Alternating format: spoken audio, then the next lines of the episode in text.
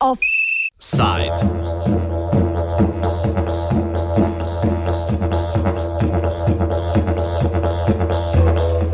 Kosovska zdravstvena fronta.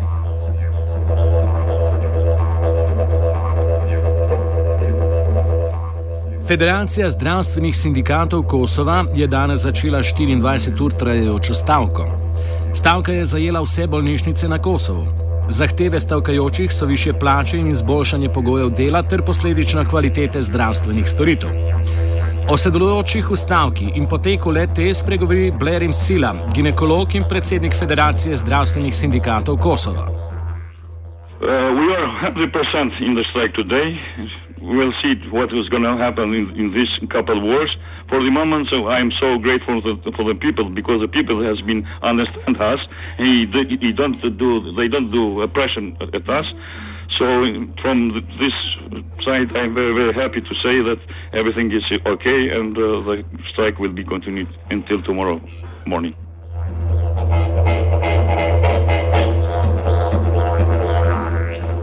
Zdravstvo na Kosovu je v slabem stanju. Za razliko od večine držav bivše Jugoslavije, Kosovo ni nikoli zares reformiralo zdravstvenega sistema. Ta se še vedno financira direktno iz proračuna, kar ga naredi bolj ranljivega za vrčevalne politike in korupcijo. Več pove Arta Uka, analitičarka javnih politik in bivša sodelovka Inštituta za zdravstvene politike srednje in vzhodne evropskih držav. Kosovo inherited its health system from ex-Yugoslavian country.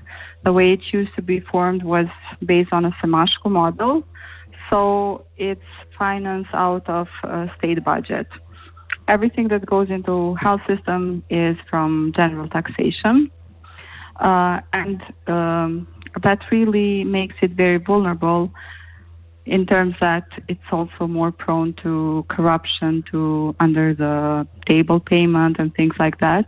Therefore, recently Kosovo government has undertaken an initiative to actually establish a health uh, health information system, which would be as a basis to have a health insurance, public health insurance.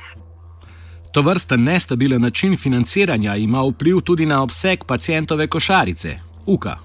Health system in Kosovo is divided as everywhere else, I guess, in three uh, levels. It's primary health care, secondary, and tertiary health care.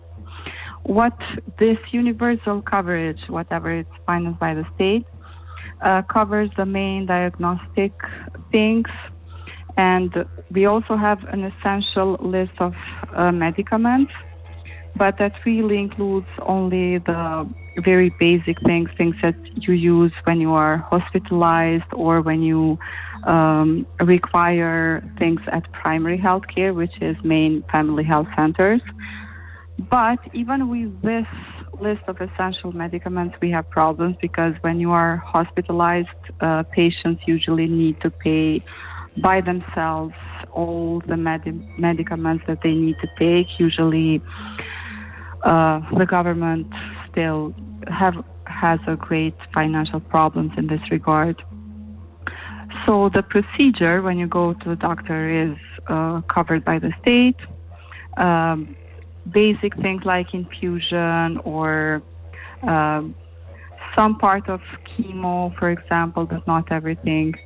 Um, but even with uh, the procedures, when you go just to see a doctor for diagnosis, usually they refer patients to private sector because in Kosovo uh, it's not regulated by law that doctors can work only in public or private. They usually work in both sectors.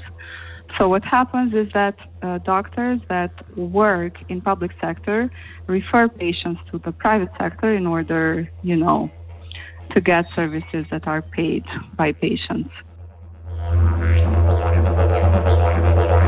Zahtevam zdravstvenih delavcev. Sila spregovori o slabih plačah zaposlenih v kosovskem javnem zdravstvu. For example, one doctor, specialist doctor, for the moment he had only 540 euros. For the nurses is 340 euros. But we don't have uh, another beneficiary from the state.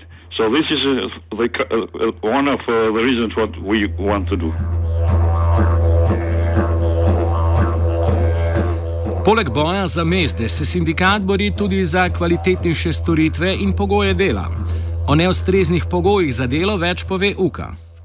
Starting from infrastructure and then medical equipment at hospital and like primary care. Are in a poor condition, but also there is lack of medical equipment. And just recently, I have been personally working in an application to upgrade medical equipment in secondary and tertiary healthcare system.